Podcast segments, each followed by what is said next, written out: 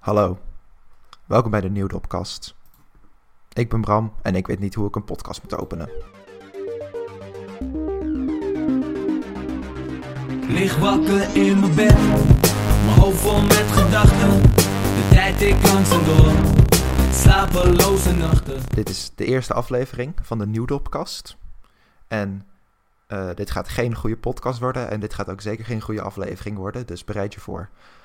Nieuwdop staat voor nog een witte man die onzin praat. Want eigenlijk zijn, ik zou zeggen, 80% van de podcasts is gewoon een witte man die onzin praat in zijn eentje. En ik dacht, ja, het is, het is nu zo'n cliché dat het zelfs wel een cliché is om het een cliché te noemen. Dus ik gooi gewoon een schepje bovenop en doe ook mee. Ehm, ik ben Bram, Bram Wissink. Ik ben 21 jaar. Ik woon in Nijmegen. Dat is een heel mooie stad. Ik zit hier op een studentenkamer, want ik ben een student, namelijk geschiedenis studeer ik. Ik eh, ben er nu denk ik net uh, bijna 3,5 jaar mee bezig. Uh, ik zou eigenlijk al lang mijn bachelor moeten hebben, half jaar geleden al, maar ja, heb ik niet. Heb ik hopelijk over een jaar, misschien nog iets meer. We zien wel. Ik, ik vind het hartstikke leuk, dus ik, ik blijf gewoon even hangen. Hartstikke gezellig op de universiteit. ik um, maak deze podcast. Ik had het eigenlijk gisteren opeens bedacht toen ik in de trein zat. Want ik dacht, nou, ik heb heel veel woorden in mijn hoofd. En die wil ik graag eruit gooien. En dat is met zo'n lockdown toch net wat lastiger. Uh, dit is opgenomen terwijl de lockdown, de kerstlockdown van de winter 2020 net weer begonnen is. En uh, ja, iedereen doet iets. En ik, ik denk, ik doe maar een podcast. Dus uh, vandaar deze podcast. Uh, wat kunnen jullie bij deze podcast verwachten? Ja, dat vind ik zelf een heel moeilijke vraag, want we weten het zelf ook niet zo goed. De meeste podcasts die hebben iets van een, uh, van een thema of uh, een onderwerp of experts. En er zit heel veel research achter en een scripts of het zijn, nodige leuke gasten uit. ik niet. Ik, ik zonder me af van alle andere podcasts door, nou ja, gewoon iets te maken waar niemand echt op zit te wachten. Uh, ik verwacht ook niet echt dat hier ooit iemand naar zal luisteren die ik niet al ken. En die niet uit beleefdheid hier maar opklikt en het geluid zacht zet terwijl ze gaan stofzuigen. Zodat het tenminste lijkt alsof mensen er naar luisteren. Uh, maar ik, ik doe dit gewoon vooral voor mezelf. En als je het leuk vindt, vind ik dat alleen maar heel mooi. Dus laat het weten als je hem luistert en wat je ervan vindt. Um, dus ja. Uh, de onderwerpen zullen zeer uiteenlopen. Want ik weet van heel erg veel dingen een klein beetje. Uh, ik wil het vooral gaan, uh, deze podcast zal vooral gestructureerd zijn om uh, vragen die ik ontvang via Twitter. Ook wederom waarschijnlijk vooral van mensen die ik al ken. Alleen die weten dus wel goed hoe ze vragen moeten stellen waar ik goed over door kan lullen. Want als er iets is wat ik goed kan, dan is het gewoon doorlullen over helemaal niks wat niemand echt boeit. Maar ja, dat, is, dat zijn podcasts, dus vandaar. Dat is al de eerste kut. Dat geef ik gewoon eerlijk toe. Gewoon als ik de podcast even, even stop zeg om even iets anders te doen, dan, uh, dan weten jullie dat. Ik heb net even stopgezet om koffie te drinken, want ik besefte me dat ik nog koffie had staan. Ik wou niet dat het koud werd. Uh, dromen zijn raar. Ja, ik, dromen zijn heel raar. Um, dat weet iedereen wel, maar dromen zijn echt... Ik had, ik had dus een heel rare droom net, uh, toen ik sliep. Ja, ha, anders is het een dagdroom. Ha. Maar uh, ik heb dus een gigantische hekel. Ik heb een gigantische hekel aan tomaat. Als er iets is dat ik haat, dan is het rauwe tomaat. Ik eet vrijwel alles, behalve rauwe tomaat. Ik, ik zou... Ik eet echt bijna alles wel. Ik vind alles prima om te eten, behalve rauwe tomaat. Iets van de combinatie van de structuur en de smaak... Dat roept, dat roept de walging in mij op die on, onge, oneven, ongeëvenaard is. Dat is... Uh, vreselijk spul. Uh, dus ik eet het nooit. Uh, als het kan. Het fijne is, het is er vaak vrij makkelijk vanaf, vanaf te vissen als het op een, in een salade zit of op een broodje of zo. En als het echt heel klein gesneden is, dan vind ik het niet zo heel erg. Salsa vind ik gewoon lekker bijvoorbeeld. Pico de gallo vind ik ook gewoon prima te doen. Maar van die grote stukken rauwe tomaten moet ik kokhalzen bij het idee. Uh, maar ik had dus een droom. En ik heb heel vaak heb ik dromen dat ik dan... Mijn slaapritme is volledig fucked up. Ik word dan wakker om iets van half zeven, een beetje tussen zes en half acht word ik vaak wakker. Soms ook om vijf al. En dan ben ik gewoon even een half uurtje wakker. En dan val ik weer in slaap. Uh, vaak neem ik even wat water, ga ik even naar de wc en dan val ik weer in slaap. is heel gek. Maar ehm, de dromen die ik heb tussen mijn eerste keer wakker worden en, mijn echt, en dat ik echt wakker word, die zijn altijd gestoord. En nu was de droom dus dat ik gewoon een volledige rauwe tomaat had. Dat was de droom. En ik werd wakker met de smaak van de tomaat nog steeds in mijn mond. En die structuur. En dat is niet fijn wakker worden. Dat is echt een heel nare ervaring, was dat. Uh, wat heel erg overdreven klinkt, maar je, weet, je weet niet hoe erg ik rauwe tomaat haat zonder mijn tong te hebben. En ik hoop heel erg dat er iemand luistert die het met me eens is en kan zeggen: ja, rauwe tomaat is, is niet alleen vies, het is, het is een vrucht van, van de Satan. Dit is. Hoe kan dat? Hoe ik snap niet dat mensen het kunnen eten. Heel veel dingen snap ik. Dingen die ik zelf niet zo lekker vind. Ik snap nog steeds dat mensen het eten. Witlof hou ik persoonlijk niet heel veel van. Maar ik snap dat mensen het eten. Dat is gewoon. Het heeft, het heeft goede kanten. Maar rauwe tomaat. Ik wil ook heel graag dat gewoon iemand. Iemand die wel van rauwe tomaat houdt. Even gewoon kan reageren van. Oh, oh ja. Uh, ik vind het lekker omdat. En dan gewoon even uitleggen. Ik, ik wil je de podcast hebben. Ik wil je interview over rauwe tomaat. En de meeste mensen houden best wel van rauwe tomaat. Dus waarschijnlijk als ik een keer een gast in de podcast heb, dan ga ik het vragen. Uh, sowieso. Oh ja, dat wil ik nog uitleggen. Um, ik wil bij deze podcast uiteindelijk, als het me gewoon een beetje bevalt, ik neem het nu gewoon op. Kijken of ik het leuk vind. Of ik de moeite waard vind om het te editen en te uploaden. Dan wil ik uiteindelijk ook wel gewoon met gasten doen. Gewoon mensen die ik persoonlijk ken. En waarvan ik denk, oh, die kunnen wel. Uh, daar kan ik leuk mee praten. Dus dat, uh, dat zullen jullie zien als dat zover is. Als deze podcast überhaupt online komt. Ja, we zien wel. Ik vind het gewoon lachen. Ik heb, een, ik heb het nu al naar mijn zin. Ik ben nog geen tien minuutjes bezig. En ik vind het gewoon leuk om te praten. Uh, dat komt een beetje goed. De eenzaamheid van de lockdown mee door. Ik had weer even gekut, de podcast. Want uh, ik wist niet meer waar ik over moest praten. Maar ik had het net over tomaat. En ik ga er nog even over verder. Want ik heb dus echt zo'n hekel aan rauwe tomaat. Maar verder, alles met tomaat. Dat vind ik lekker hoor. Tomatensaus. Oeh tomatensoep. Oké, ja, er zijn, lekkere, lekkerdere soepen. Maar tomatensoep is echt... Daar is helemaal niks mis mee. Dat is heel lekkere soep. Uh, maar vooral, vooral tomatensaus. Alles met tomatensaus. Tomatensaus op pizza, met pasta. Oh, daar ga ik goed op hoor. Daar ga ik heel goed op. Tomatensap hoeven niet van mij. Maar ik denk... Ik, wie is er wel fan van tomatensap? Ik denk dat dat... Dat is gewoon voor de vitamine en zo, toch? Niemand gaat echt, gaat echt tomatensap drinken. Maar gewoon goede tomatensaus uh, knoflook, oregano, chilivlokken. Dat doe ik trouwens, die drie doe ik in bijna alles wat ik kook. Maar ja, ik, ik, het is ook gewoon lekker. Ja, daar kan ik ook niet zoveel aan doen. Ik wou bij, um, bij deze podcast, uh, ga ik veel, uh, ga ik denk ik vooral veel vragen beantwoorden. Dus ik ben nog geen 10 minuten bezig, volgens mij nog steeds niet. Maar ik denk van, nou, ik ga gewoon even, gewoon even wat vragen beantwoorden. Want ik heb, ik heb veel vragen binnengekregen, relatief. Ja, veel, rond de 10. Maar dat is echt een stuk meer dan ik had gedacht. Uh, ik ben geen expert in, in iets eigenlijk. Um, zeker niet in de vragen die ik heb gekregen. Dus ik, um, ja, ik wens jullie veel succes. De uh, eerste vraag die ik heb gekregen, die is niet via Twitter gekomen. Die uh, is persoonlijk aan mij gevraagd. Dat is een vraag van Zenzi. En dat is, waarom hebben vissen schubben? Uh, ik weet het niet. Ik, ik, had deze vraag al eerder ontvangen. Ik had dit natuurlijk uit kunnen zoeken van tevoren om hier een leuk antwoord op te geven. Maar ik weet het eigenlijk niet zo goed. Maar ik denk dat dat zou komen omdat schubben die zijn ook best wel glad, maar tegelijkertijd best wel sterk. Omdat ze zo uh, door het water zwemmen, dat ze daardoor goed gestroomlijnd zijn. Want huid, uh, haren zijn sowieso, dat is veel te, um, dat is veel te stroef. Daar kan je niet goed mee zwemmen. En je hebt ook bijvoorbeeld krokodillen, hebben ook schubben. Een heel dikke schubben, zodat die goed zich kunnen verdedigen tegen aanvallen en zo. Die zijn heel sterk. En ik denk dat vissen een beetje een combinatie hebben. Dat die dus, dat die dus schubben hebben, dat die wel goede verdediging hebben, dat die niet zomaar er doorheen komt. Uh, maar dat het ook vooral heel glad en snel is, dat ze echt snel weg kunnen zwemmen. Dus ik denk dat dat is waarom vissen schubben hebben. Maar ja, ik, uh, ik weet het niet. Ik, ja, er is vast wel iemand die, dit, die deze vraag kan beantwoorden in de, in de reacties. Ik weet, de vraag is aan mij gesteld. Ik zou dat moeten doen, maar ja, ik ben geen bioloog. Ik weet niet zoveel van vissen. Ik weet dat ze zwemmen. Ik weet dat ze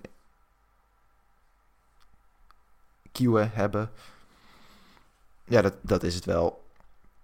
Uh, dus dan ga ik maar door naar de volgende vraag. Hier kan ik helaas niet zoveel meer over zeggen.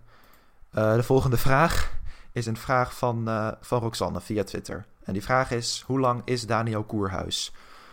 Ik zal deze vraag even kort, uh, even kort uitlichten, want uh, ik weet heel goed dat hiermee wordt bedoeld, maar de, ik hoop voor de meeste luisteraars dat jullie het niet weten. Daniel Koerhuis is een VVD-Kamerlid. Die laatst een, um, die heeft er een wet doorgebracht dat krakers binnen drie dagen uit huis kunnen worden gezet. In plaats van dat ze in het huis moeten wachten tot een proces is. Ze krijgen nog een proces, maar ze worden al veel eerder uit het kraakpad gezet. Uh, dat is een, uh, een, vreselijke wet, vind ik persoonlijk. Ik vind dat onmenselijk. Ik vind dat dat, dat echt niet kan. Uh, en daar zijn, daar zijn veel mensen het mee eens. veel mensen bij Broodbuis, de, het links georiënteerde mediaplatform waar ik bij aangesloten zit, die zijn het daarmee eens. En um, we zijn dus Daniel Koerhuis, hebben we, zijn we echt hard in de aanval gegaan op hem. We, zijn, we hebben een trending, talk, trending topic op Twitter gemaakt om hem even goed aan te pakken, om goed uit te lichten wat hij nou allemaal doet. Want hij, hij doet echt foute dingen. Uh, maar een grote vraag. We hebben veel Daniel Koerhuis foto's bekeken daarvoor. En de grote vraag die bij ons ontstaan is, is hoe lang is deze man? Want als je even googelt en uh, daar, kan daar kan je zien dat die man echt heel lang lijkt. Hij heeft een heel lang figuur en een heel lang hoofd. Alleen uit veel onderzoek, en ik kan je zeggen, er is veel onderzoek gedaan. Die heeft uren ingezeten, echt manuren. We hebben hier hard aan gewerkt met meerdere mensen om erachter te komen hoe lang die man is. Het eerste antwoord was door, uh, had iemand had bekeken hoe hoog is een baksteen. Een foto van Daniel Koerhuis naast een bakstenen muur. Kijken hoeveel pixels is de baksteen. Dan weet hij hoe groot één pixel is. En dan kon hij daarmee uitmeten hoe lang Daniel Koerhuis was. Hij kwam uit op ongeveer 1,75 meter. Maar dat kan niet kloppen, want op bijna elke foto van Daniel Koerhuis torent hij boven de massa uit. Uh, een andere, andere hint was een foto van Daniel Koerhuis naast een kartonnen bord van Mark Rutte. Waar hij uh, een stukje groter was dan het kartonnen bord van Mark Rutte. We weten allemaal, Mark Rutte is 1,93 meter. Dat is algemene kennis. En als het nog niet zo was, dan weet je het nu. Uh, maar dat zou dus impliceren dat Daniel Koerhuis 2 meter is. En dat kan wel kloppen, maar ook weer niet. Omdat alle, alle berekeningen kwam je, uit, kwam je echt rond de 1,80 uit. Dus het is een, een heel mysterieuze man. En als antwoord op je vraag, Roxanne, hoe lang hij nou is... Ik denk dat we het nooit zullen weten, want ik denk dat Daniel Koerhuis niet één vaste lengte heeft. Ik wil hem niks verwijten, maar ik vind het gewoon heel verdacht dat hij zulke verschillende afmetingen kan hebben. En ook zijn figuur is zo dun en lang, zonder dat hij echt extreem lang is. Dus ik denk dat hij dat hij wisselt. Hij, hij verschilt van lengte. Hij is niet. Ik wil hem niet toewijzen dat hij geen mens is, maar ik wil ook niet zeker zijn dat hij wel een mens is en niet een, een wezen dat zijn vorm kan veranderen om nog beter te zijn en krakers aanpakken. Dus uh, als antwoord op je vraag hoe lang is Daniel Koerhuis, is mijn antwoord nee. De volgende vraag is een vraag van Joelle van E op Twitter. En dat is een vraag: wat is iets waar niemand boos over is, maar waar iedereen boos over zou moeten zijn? Ja, dat vind ik een heel goede vraag. Uh, ik, ik zou hier een heel goed politiek antwoord op kunnen geven. Dus bijvoorbeeld de krakerswetgeving van Daniel Koerhuis. Daar zijn wel heel veel mensen boos om. Maar het komt eigenlijk ook niet meer in het nieuws. Behalve gewoon zeggen: ja, de wet is er. De kritiek komt niet in het nieuws. Maar uh, ik, er zijn nog wel veel meer dingen waar mensen boos over zouden moeten zijn. Iets wat me vandaag weer. Uh, wat, wat vandaag weer is langsgekomen op Twitter. Is de piramide van Austerlitz. We accepteren dat gewoon als Nederlanders. Dat de piramide van Austerlitz bestaat. En dat daar gewoon een, een piramide van modder midden in het land staat. En dat, dat, gewoon, dat het een trekpleister is voor toeristen. Maar ik weet niet, we zouden dat niet hoeven, hoeven dat niet per se te accepteren als land. Dat dat er is. We kunnen gewoon zeggen: nee, dat is er niet. En dan, dan is het er niet meer. Ja, dan is het er nog wel, maar het hoeft niet. Het hoeft er niet te zijn. En ik vind dat mensen daar niet per se... Ik gebruik de piramide als Austerlitz nu als voorbeeld, maar we accepteren te veel dingen die niet nodig zijn in ons land. We accepteren die piramide. We accepteren de Noordoostpolder. Um, dat hoeven we niet per se te accepteren. We accepteren dat er een groepje steden is die de Drechtsteden heten. De steden mogen er zijn, maar moet, moet die naam nou echt? We kunnen gewoon zeggen met z'n allen: hey, dat is niet zo. Dat is het, dat is het mooie van, van de Nederlandse samenleving. We kunnen gewoon Sorry. We kunnen, als, we, als we met z'n allen ergens op tegen zijn, dan kunnen we gewoon zeggen: nee, maar dat is niet. En ik, je kan wel zeggen: ja, je kan zeggen: hey, dat is niet per se hoe het werkt. Maar als we met z'n allen zeggen dat het wel zo werkt, dan werkt het zo. En dat vind ik mooi. En dat, dat moeten we zo houden. En daarom vind ik dat mensen meer openlijk hun, hun woede moeten uiten over dingen die eigenlijk niet per se uitmaken.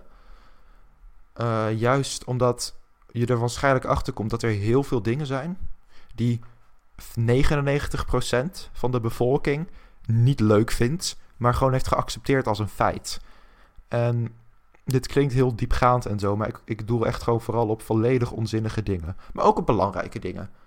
Ik, ik denk dat ook wel 99% van de bevolking het gewoon over bepaalde politieke dingen eens is. Alleen dat het al zo lang in ons land zit dat we het gewoon accepteren met z'n allen. En het is goed om dat aan de kaak te stellen. Omdat, om dan even met z'n allen na te denken van willen we dit? En als het antwoord nee is, oké, dan zorgen we dat het er niet meer is. Dit was uh, een vraag waar ik heel serieus antwoord op wil geven. Ik had besloten om er geen serieus antwoord op te geven. En het is toch iets serieus geworden. Ja, dat, dat kan gebeuren. Dat is, dat is ook niet erg. Want een podcast moet ook een beetje diepgang hebben natuurlijk. Uh, de volgende vraag is een vraag van Joost de Lange op Twitter. En dat is... Waarom is Paul Peet toch zo'n komische genie? Dat is hij niet. Uh, volgende vraag. Nee, grapje. Um, Paul Peet is een... Uh, ik zal even kort uitleggen wie het is wederom. Paul Peet is een, is een Twitter-account van een man. En die heeft zichzelf Paul Peet genoemd. En die, die maakt grapjes. Die doet komische dingen. En geen ervan zijn echt grappig. Het zijn eigenlijk altijd gewoon actualiteiten die die een beetje op een ludieke wijze... Ludiek tussen echt twintig aanhalingstekens uh, een grapje over maakt. Wacht, ik zoek even uh, zijn Twitter. Dan ga ik er een paar, ga ik er een paar voorlezen. En dan komen jullie dan. Dan snappen jullie hopelijk heel goed wat ik bedoel. Ik heb de Twitter van Paul Peet geopend. En mijn, mijn mening over Paul Peet is meteen zo duidelijk. Wat ik nou precies bedoel. Waarom ik hem zo erg niet mag. En dat is meteen duidelijk in de eerste tweet die ik zie. En dat is. De Corrie versus NOS van vanochtend is spannender dan Badr Hari tegen Andek Boei. Ik weet niet, ik heb die naam niet goed uitgesproken, maar dat is oké. Okay. Maar dit is gewoon zo duidelijk van, oh, er zijn twee dingen in de actualiteit en ik zet ze in één tweet. Dat is de grap. En dat is gewoon niet grappig. Dat is geen humor. En dat is, dat is eigenlijk gewoon alles wat hij doet. En soms, hij heeft Photoshop en dan photoshopt hij weer iets aan elkaar, waardoor er twee actualiteiten samenkomen. En sure, uh, laat hem lekker.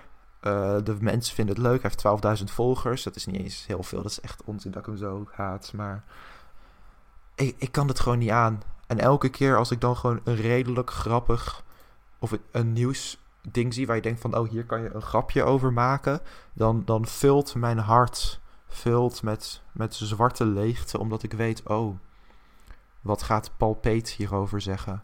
Want ik weet dat het iets gaat zijn en ik weet dat het niet grappig gaat zijn en ik weet dat heel veel mensen het heel grappig gaan vinden. Maar ik, ik heb ook niet het idee dat iemand lacht als ze een palpeet tweet, een palpeet tweet zien. Ik denk dat ze gewoon denken van, oh ja, leuk bedacht. Huh. Dat, dat is meer een soort respect voor, voor de wetenschap van actualiteiten aan elkaar plakken dan humor. En dat is niet wat humor hoort te zijn. Uh, en de haat die ik heb naar Paul Peet is, is zeer persoonlijk, omdat hij een keer mijn... Uh, ja, ik ga, meteen, ik ga meteen openen. Uh, Els je hebt het Twitter-account, Els Rechts. Ik heb daar ooit de parodie Els Links op gemaakt. Die run ik nog steeds. Alleen dat was... Ehm, ik had daar een screenshot van, van Els Links die reageert op Els Rechts. Had ik gescreenshot, had een vriend van me had dat op Reddit geplaatst met mijn toestemming. Ik had dat toen ook op Reddit op een andere subreddit gezet. Ook met mijn eigen toestemming had ik aan mezelf gegeven. En dat was, dat was daar redelijk populair. Gewoon een paar honderd likes. Gewoon, gewoon prima. Alleen toen was exact die screenshot zonder credits door Paul Peet getweet met de tekst: Wat hou ik van het internet?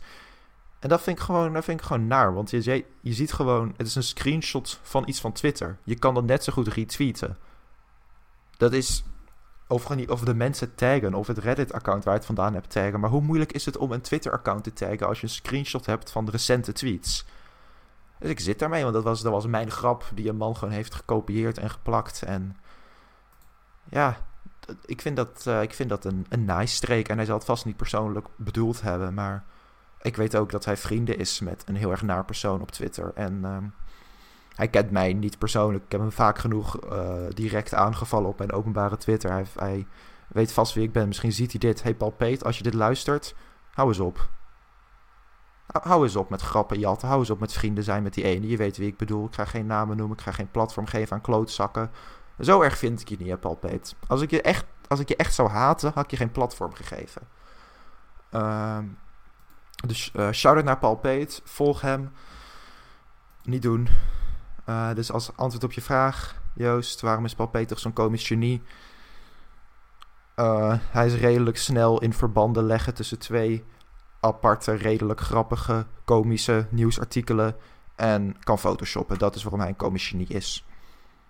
De volgende vraag is een vraag van uh, misschien wel mijn favoriete Twitter-gebruiker, namelijk Goblijn. En Goblijn vraagt: Waarom is er zo'n verschrikkelijk tekort aan aandacht voor mij? En ik kan niet veel meer dan me daarbij aansluiten. Uh, ook meteen de vraag te beantwoorden. De humor van Goblijn is, is niet voor iedereen. Het is een aparte vorm humor. En ik denk iedereen die Goblijn half zo grappig vindt als dat ik Goblijn vind. Als je, de, als je zegt, oh, ik vind Goblijn erg grappig, dan maak ik me direct zorgen om je mentale gesteldheid. Want dat kan niet goed zijn. Uh, ik, kan, ik kan niet uitleggen. Ik kan, ik kan zijn Twitter-account erbij pakken en voorbeelden geven, maar dat, dat doet af van, van wat het is. Dus ga zelf naar twitter.com slash goblijn en, en kijk er maar naar. En huiver en, en geniet. En als je niet geniet, niemand neemt het je kwalijk. Het is niet...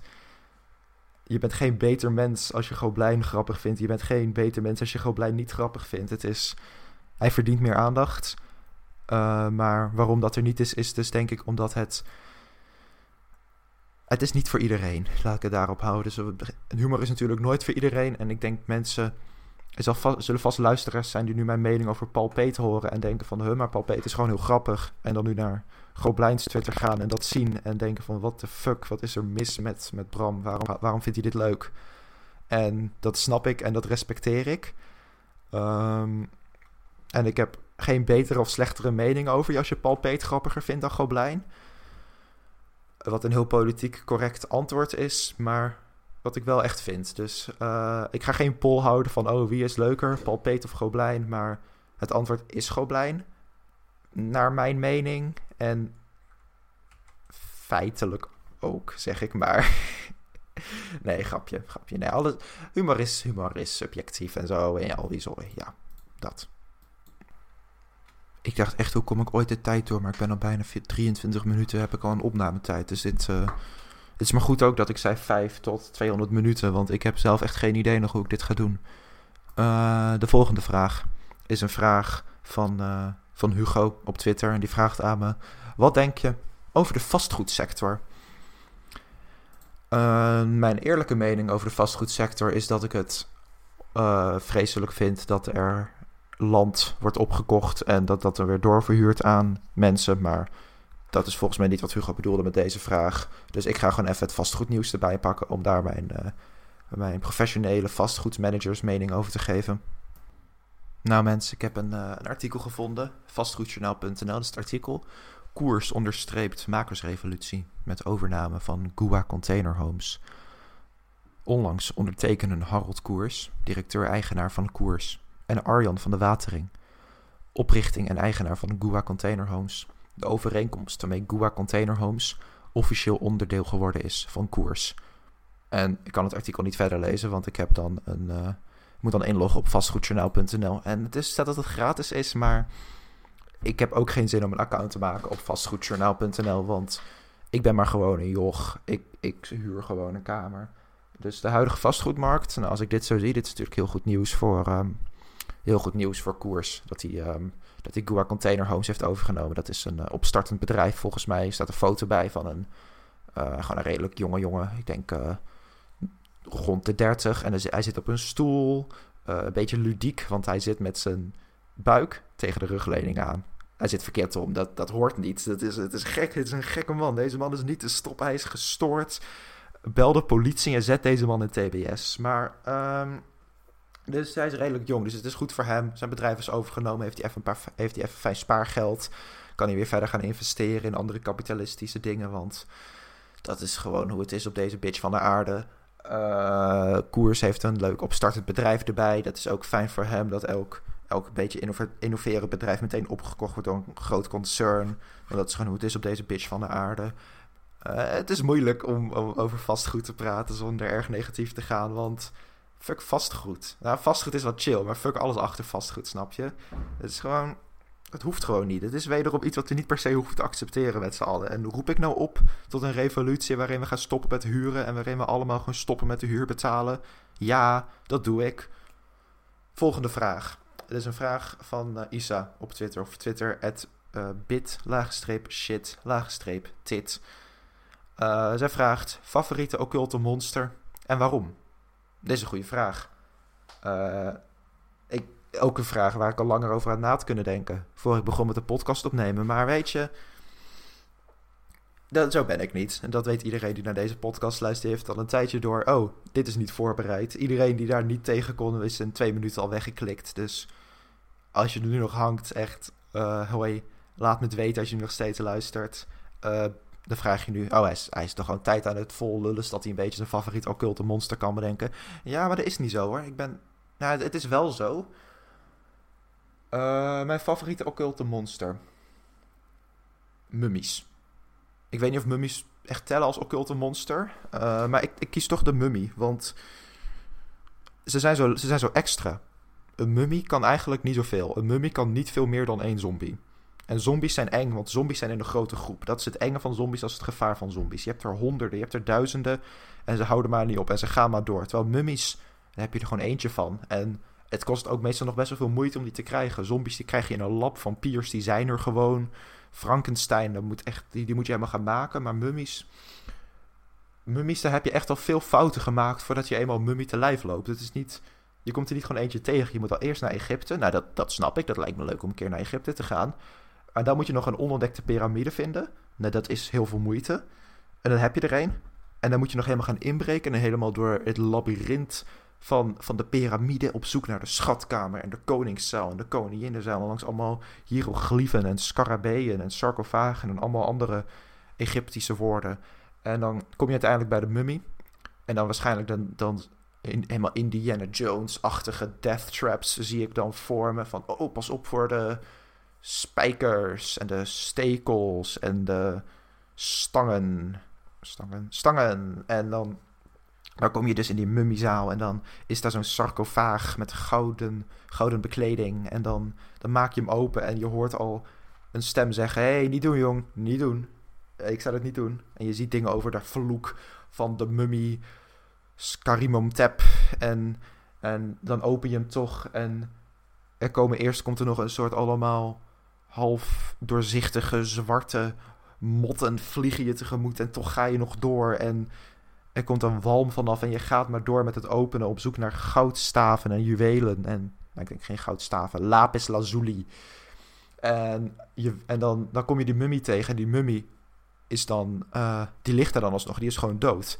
En dan denk je van, oh, ik ga even naar de muur kijken. Oh, hieroglyphen, oh, die kan ik lezen. En je leest de hieroglyphen hardop voor. En dan komt die mummie pas tot leven met zo'n toverspreuk. Dat is hoe het meestal gaat. Er zijn meerdere fouten gemaakt om op dat punt te komen. En ik denk dat de mummie daarom mijn favoriet is, want ik neem het hem gewoon niet kwalijk. En de mummie pakt alleen maar echt de allerdomste mensen. Die, die... Nou, je bent uh, minst verstandige mensen, zeg maar. Ik zou zelf absoluut per ongeluk een mummie oproepen, namelijk. Uh, ik zie mezelf hier volledig voor aan. Maar ik denk, ik denk ook als het eenmaal zover is dat ik ergens in Egypte zit in een piramide en ik per ongeluk een mummie tot leven wek. Dan zou ik ook gewoon tegen hem zeggen van ja, ja, ik snap het ook. Weet je, ik neem het je ook niet kwalijk. Vermoord me ook maar. Ga maar naar. Uh, vervloek me maar, weet je. Neem me maar mee naar. Ga maar mee naar Nederland of zo. Dan mag je daar wat rijke mensen vermoorden.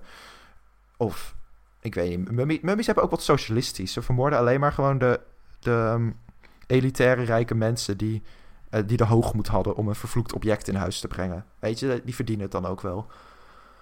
Uh, Britse musea en zo, weet je, die hebben allemaal gewoon heel veel, die hebben ook gewoon heel veel fouten gemaakt. Een mummie is, een mummie, die is gewoon, die is gewoon eerlijk. Die is hoffelijk. Hoffelijk is niet het goede woord, maar hij is hoffelijk, hij is, hij is ruiterlijk, hij, Hij weet waar hij voor staat en hij staat er goed voor. Dus vandaar, mijn favoriete occulte monster is de Egyptische mummie.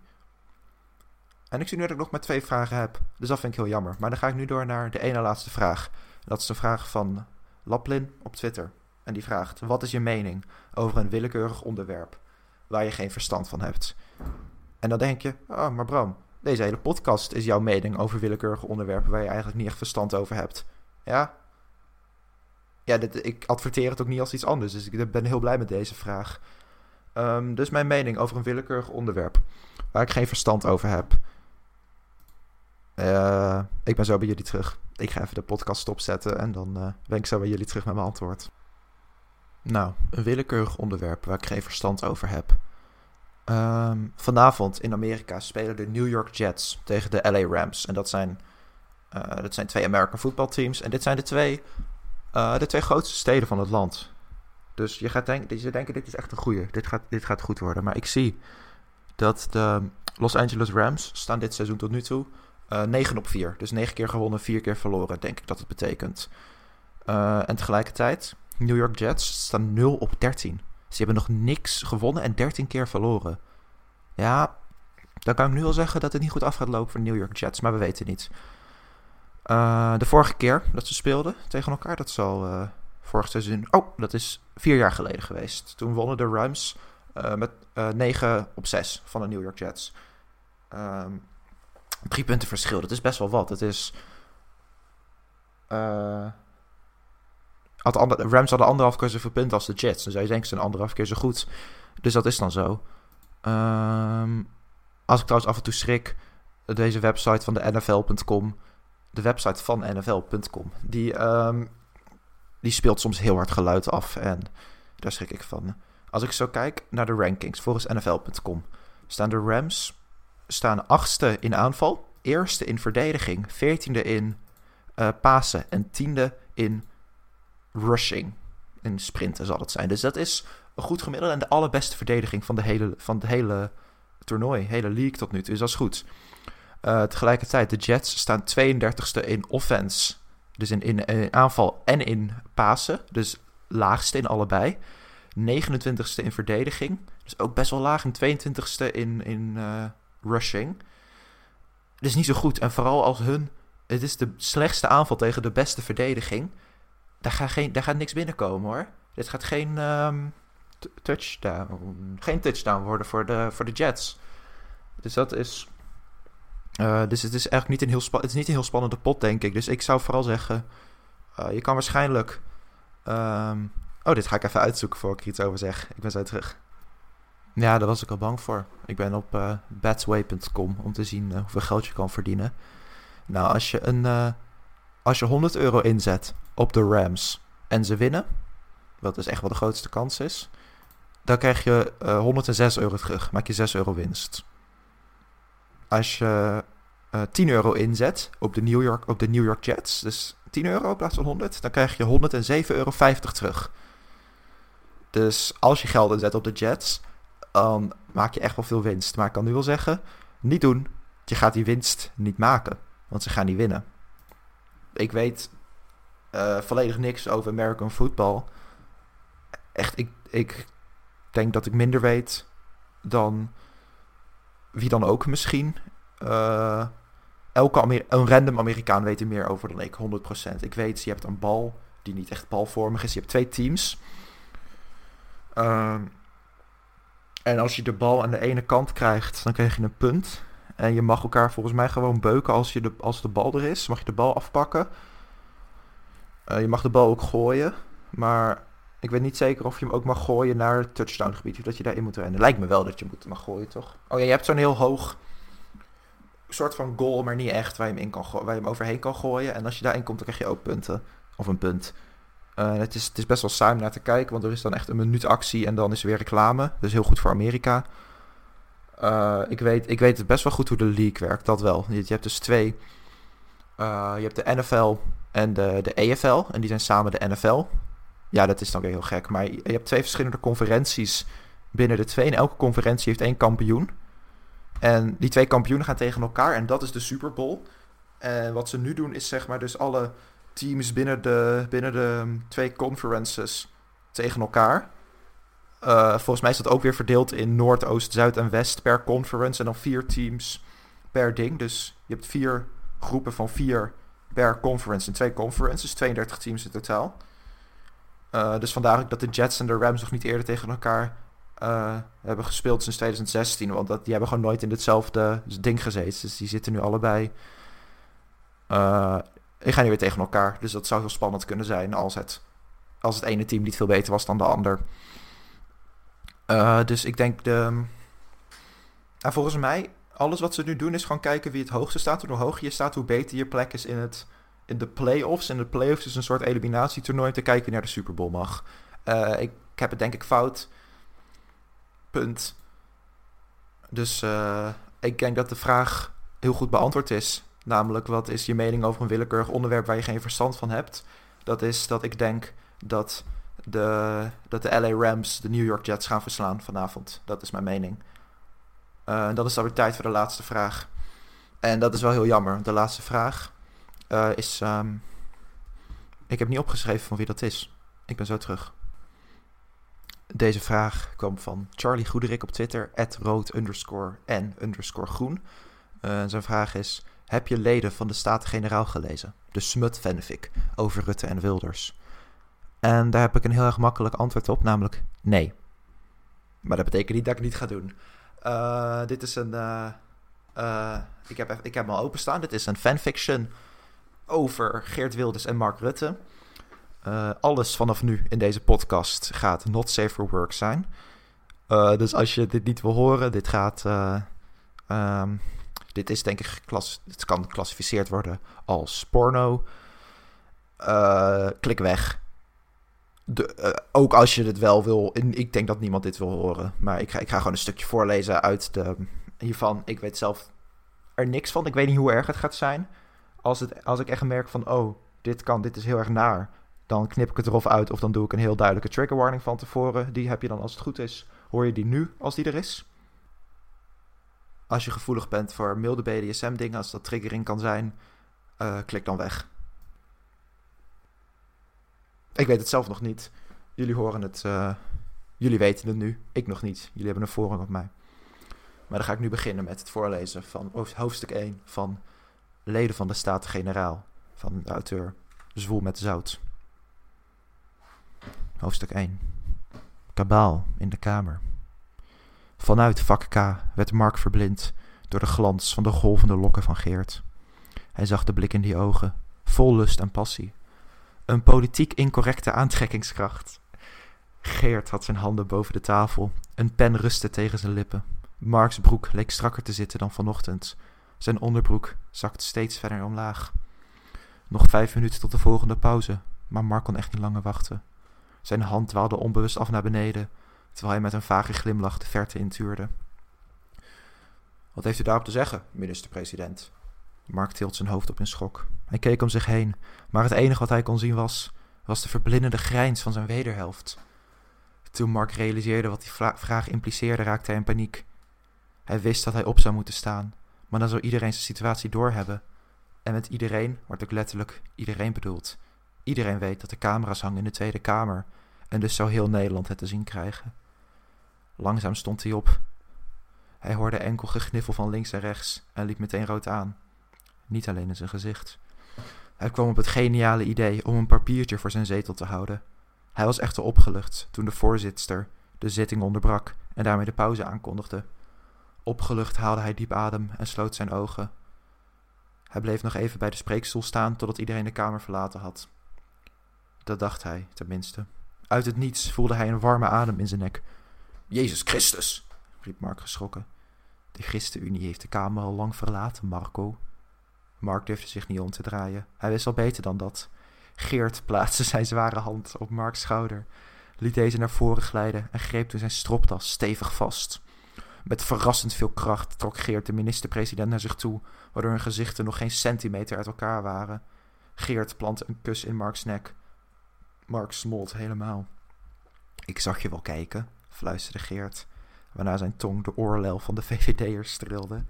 Mark kon zijn lichaam niet controleren. Een rilling liep van de kruin van zijn hoofd tot aan de punten van zijn tenen. De spieren in, in Geerts vinger ontspanden, maar Marks longen niet. Hij hield zijn adem in. De das was nu los, de weg was vrij. Een ontspannen, maar vastberaden hand zocht zijn weg naar beneden en schreeuwde Marks linkertepel. Een diepe kreun ontsnapte Marks keel. Geert zette zijn vinger op Marks lippen, waarna hij langzaam en plagend die vinger naar beneden liet glijden. Hij stopte even bij de riem, maar ging daarna vastberaden door. Marks adem stokte. Geert keek hem recht in zijn nu glazige ogen aan.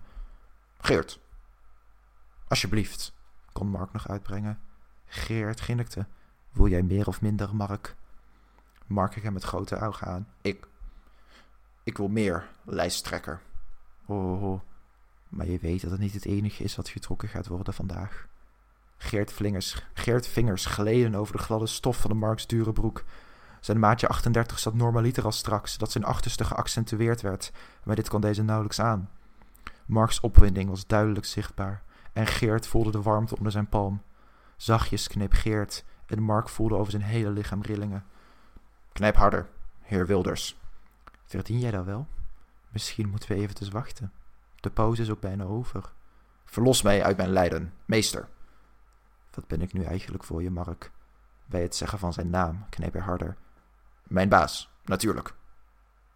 Smeek. Mark keek hem met grote ogen aan. Ik vraag je het niet nog een keer. Geert duwde hem langzaam op zijn knieën. Smeek. Oh, alsjeblieft, Geert. Ik hou het niet langer vol. De woorden rolden uit Marks mond. Sta op, minister.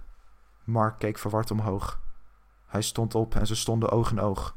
Ze bleven oogcontact houden, terwijl Geert langzaam naar beneden zakte. Zijn handen begonnen onderaan de broek van Mark en ze werkten langzaam omhoog tot ze net onder zijn warme regio kwamen. Geert keek even op zijn horloge en zag dat ze nog tien minuten hadden. Dat moest genoeg zijn. Geert had er namelijk al ervaring mee en wist dat Mark niet erg lang duurde. Zeker niet met hem. Vooruit dan, zei Geert, omdat je zo braaf bent geweest. Dank u, meester. Geert glimlachte en pakte het lipje van zijn ritsluiting vast. Hij trok vastberaden zijn gulp open. Ge Geert, je vergeet mijn riem. Oh nee hoor, daar gaan we dadelijk nog plezier mee hebben, zei Geert met een glimlach. Hierbij slaakte Mark een kroon uit. Het spel was nu echt gaande. Geert trok de broek van Mark met matige kracht naar beneden, wat de ananas onderbroek van de Mark onthulde. Sorry. Sorry voor de mensen die volledig uh, in de immersie van dit verhaal waren. Ik kon even niet ananas onderbroek aan. Geert grinnikte en begon toen met masseren. Laten we deze bijeenkomst beginnen, fluisterde Geert en trok vervolgens de met fruit gedecoreerde onderkleding omlaag. Marks, Marks paal groette Geert met een klap op zijn onderbuik. Iemand heeft er zin in, zei Geert met een glimlach. Spuug. Geert hield zijn handen omhoog. Mark keek hem met een verwarde blik aan. Ik gaf je een bevel. Mark spuugde in de handen van Geert en bleef een beetje speeksel aan zijn lip hangen. Geert pakte zijn mobiel erbij en klikte een paar snelle plaatjes. Voor later, zei hij richting het beduuste gezicht van Mark. Voor Mark het weer allemaal op een rijtje had, galmde Geert's stem weer door de kamer. Je bent wel erg braaf geweest. Volgens mij verdien je wel een beloning. Geert had zijn mond nog open van de laatste zin en Mark duwde hem met onverwachte kracht naar voren. De blik in Geerts ogen was gevaarlijk en Mark leek het door te hebben. Het zweet brak hem uit. Hij wist dat hij nu diep in de problemen zat. Problemen die later opgelost zouden moeten worden. Nou, dat uh, was het eerste hoofdstuk van de Smut fanfiction Leden van de Staten-Generaal. Uh, als het aan mij ligt, ga ik niet het tweede hoofdstuk voorlezen in de volgende podcast. Maar ja, als iemand, als ik ga dan weer met vragen doen en als iemand aan mij vraagt, hey, lees het tweede hoofdstuk voor. Ja, dan, dan doe ik het. Dan moet ik ook wel. Uh, ik hoop dat jullie het leuk vonden. En um, daarmee was dat alweer de laatste vraag van de podcast. En uh, ik heb, zoals ik eigenlijk over niks heb nagedacht bij deze podcast, heb ik niet echt bedacht hoe ik hem ga afsluiten. Uh, ja, vaak doen mensen een soort, een soort luisteraarsvraag. Dus dan vraag ik nu aan jou. Uh, ik, heb, ik heb het nu twee keer over piramides gehad. in deze podcast twee losse momenten. In twee keer ben ik op piramides uitgekomen. Uh, dus dan vraag ik me vooral af, wat is jouw favoriete piramide? En zo ja, welke? En dit was dan de eerste aflevering van de Nieuwdopkast.